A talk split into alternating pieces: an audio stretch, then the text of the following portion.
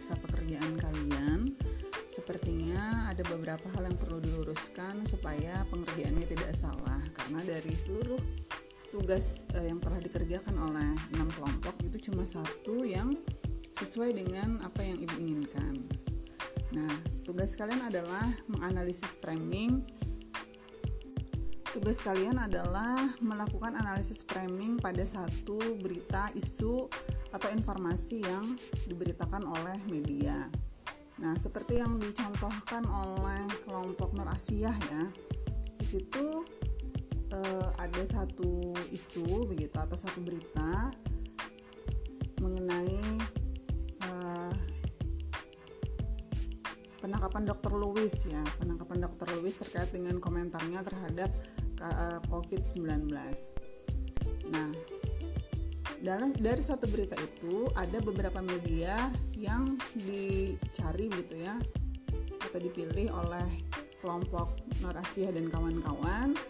Nah, media-media tersebut ada media ada liputan 6 gitu ya, ada satunya ibu lupa punya uh, framing atau cara membingkai berita atau cara memberitakan yang berbeda antar satu dengan yang lain.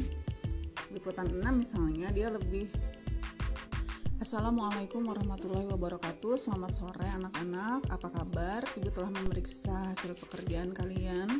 Ada beberapa hal yang perlu ibu sampaikan Karena sepertinya ada kekeliruan dalam memahami tugas yang ibu berikan. Jadi dari enam kelompok itu cuma satu kelompok yang sesuai dengan apa yang ibu inginkan untuk kalian kerjakan. Nah, yang ibu maksud dengan menganalisis framing gitu ya, berita, satu berita atau satu isu, maksudnya adalah Anda mencari satu berita atau satu isu yang ada di media.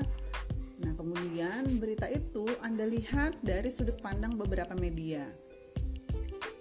Dari sudut pandang beberapa media, Anda akan menemukan apakah ada kesamaan atau ada perbedaan dalam mereka membingkai atau memframing berita yang artinya sudut pandang tiap uh, media itu akan berbeda gitu ya ada yang ada uh, mereka mungkin akan berbeda dalam memilih siapa tokoh atau siapa aktor dalam berita itu yang mereka bela dan siapa yang mereka salahkan. Nah, itu yang Ibu maksud dengan framing pemberitaan. Setiap media itu punya framing atau bingkai yang berbeda-beda dalam mem uh, memberitakan. Tergantung pada ideologi dari masing-masing atau tergantung dari keberpihakan dari masing-masing media. Contoh yang baik itu telah disampaikan oleh kelompok Nur Asia dan kawan-kawan. Dia mencontohkan penangkapan Dr. Lewis. Penangkapan Dr. Lewis ini ternyata ada e, dua media yang memberitakan dengan cara yang berbeda atau dengan bingkai yang berbeda. Liputan 6 itu cenderung menyalahkan Dr. Lewis, sementara ada satu media tadi ibu lupa, media lokal, gimana begitu ya, itu yang mengutip pandangan Pak Hari Hamzah yang membela Dr. Lewis. Nah, artinya ada dua ada dua sudut pandang, dua bingkai yang berbeda dari dua media. Itu yang Ibu maksud dengan menganalisisnya. Jadi Anda cari satu isu atau satu berita yang mungkin sedang hangat. Nah, kemudian dari berita itu Anda cari media-media memberitakan hal yang sama, kemudian Anda analisis apa perbedaannya siapa yang di, di aktor eh, siapa aktor dalam berita itu yang dibela oleh media A? Yang dibela oleh media B yang dibela oleh media C. Kemudian siapa yang menjadi korban? Siapa yang disalahkan? Siapa tokoh antagonis di dalam berita itu? Oleh media A B dan C. Apakah ada perbedaan? Kalau ada perbedaan artinya memang ada bingkai yang berbeda. Mungkin kalau Anda bisa lebih mendalami lagi, Anda akan menemukan kenapa jadi ada perbedaan, kenapa jadi media A misalnya memberitakan si A ini jadi tokoh antagonisnya. Jadi yang harus disalahkan. Tapi ibu tidak menuntut sampai ke sana. Anda cukup menganalisis saja. Analisis bingkainya. Bagaimana cara membingkai berita itu oleh satu media? Apakah netral? Meskipun kita tahu tidak ada media yang benar-benar netral tapi artinya tidak terlalu menyalahkan satu pihak begitu atau tidak membela satu pihak atau ada yang ya membela tadi seperti liputan 6 kan membela uh, penang, uh, membela orang yang menangkap Dr. Lewis.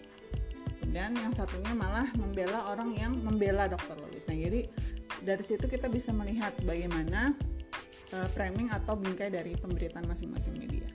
Demikian dari ibu uh, untuk penjelasan.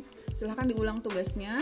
Ibu beri waktu sampai selasa uh, pekan depan. Masih ada waktu ya assalamualaikum warahmatullahi wabarakatuh.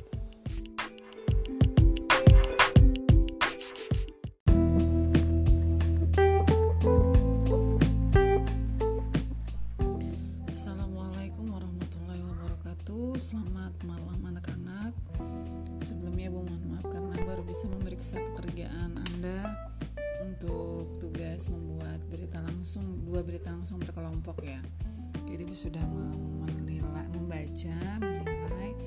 Nah secara umum Ibu anggap Anda sudah paham begitu ya Bagaimana struktur berita langsung atau straight news?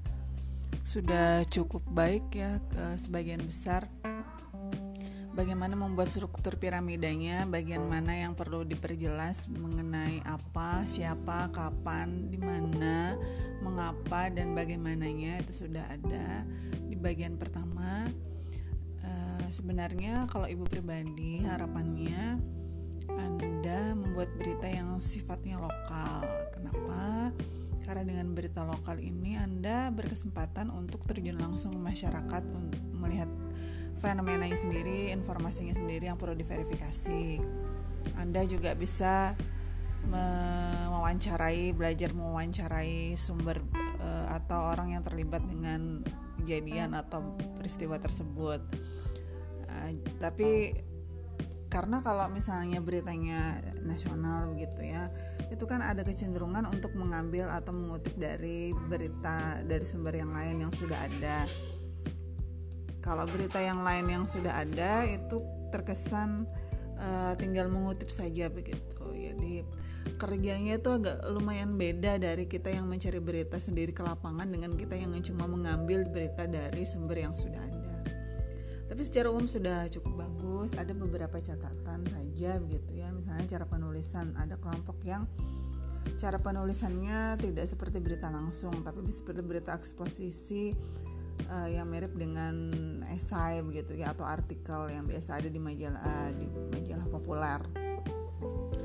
Kemudian ada juga yang uh, ketika dia mengutip sumber berita dari satu kantor berita tertentu, ketika orang membaca itu seolah-olah itu berita uh, berita yang ditulis itu adalah berita dari media tersebut begitu. Jadi uh, orang agak meskipun media ini yang menulis, orang ketika membaca itu mengiranya yang menulis itu media yang dikutip tadi. Ada yang mengutip dari Kompas misalnya.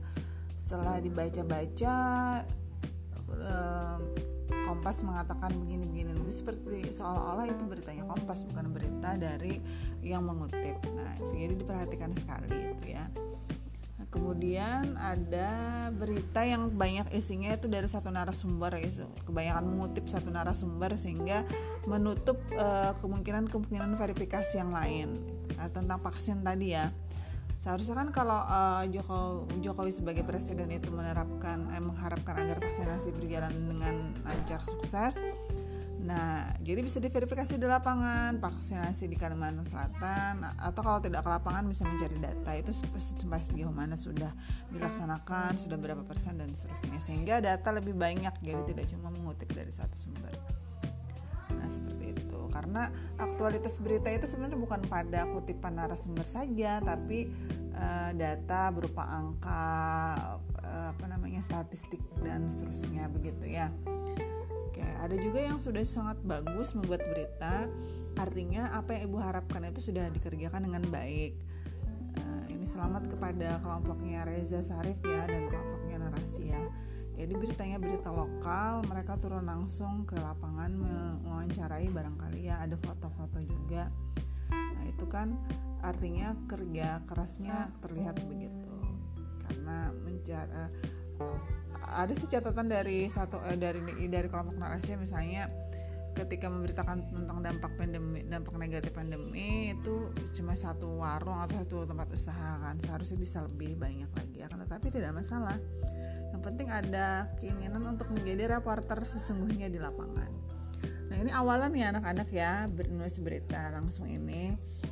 Uh, untuk pekan depan kita akan masuk ke berita tidak uh, berita picture itu ya. Nah picture dan indip news juga. Nah ini Ibu harapkan nanti tema yang diangkat benar-benar lokal, kita mengangkat hal-hal yang menarik di sekitar kita. Tapi selamat dulu untuk Anda semua, tidak ada yang nilainya di bawah 70 karena sudah dikerjakan dengan cukup baik. Komponen-komponen atau aspek-aspek yang harus ada dalam berita langsung itu terpenuhi. Meskipun ada juga tadi ya berita yang who dan where-nya itu tidak jelas ada sambil dibaca catatannya masing-masing. Selebihnya sudah cukup baik. Semoga Anda menjadi lebih terampil lagi dalam membuat berita. Sampai jumpa pekan depan. Assalamualaikum warahmatullahi.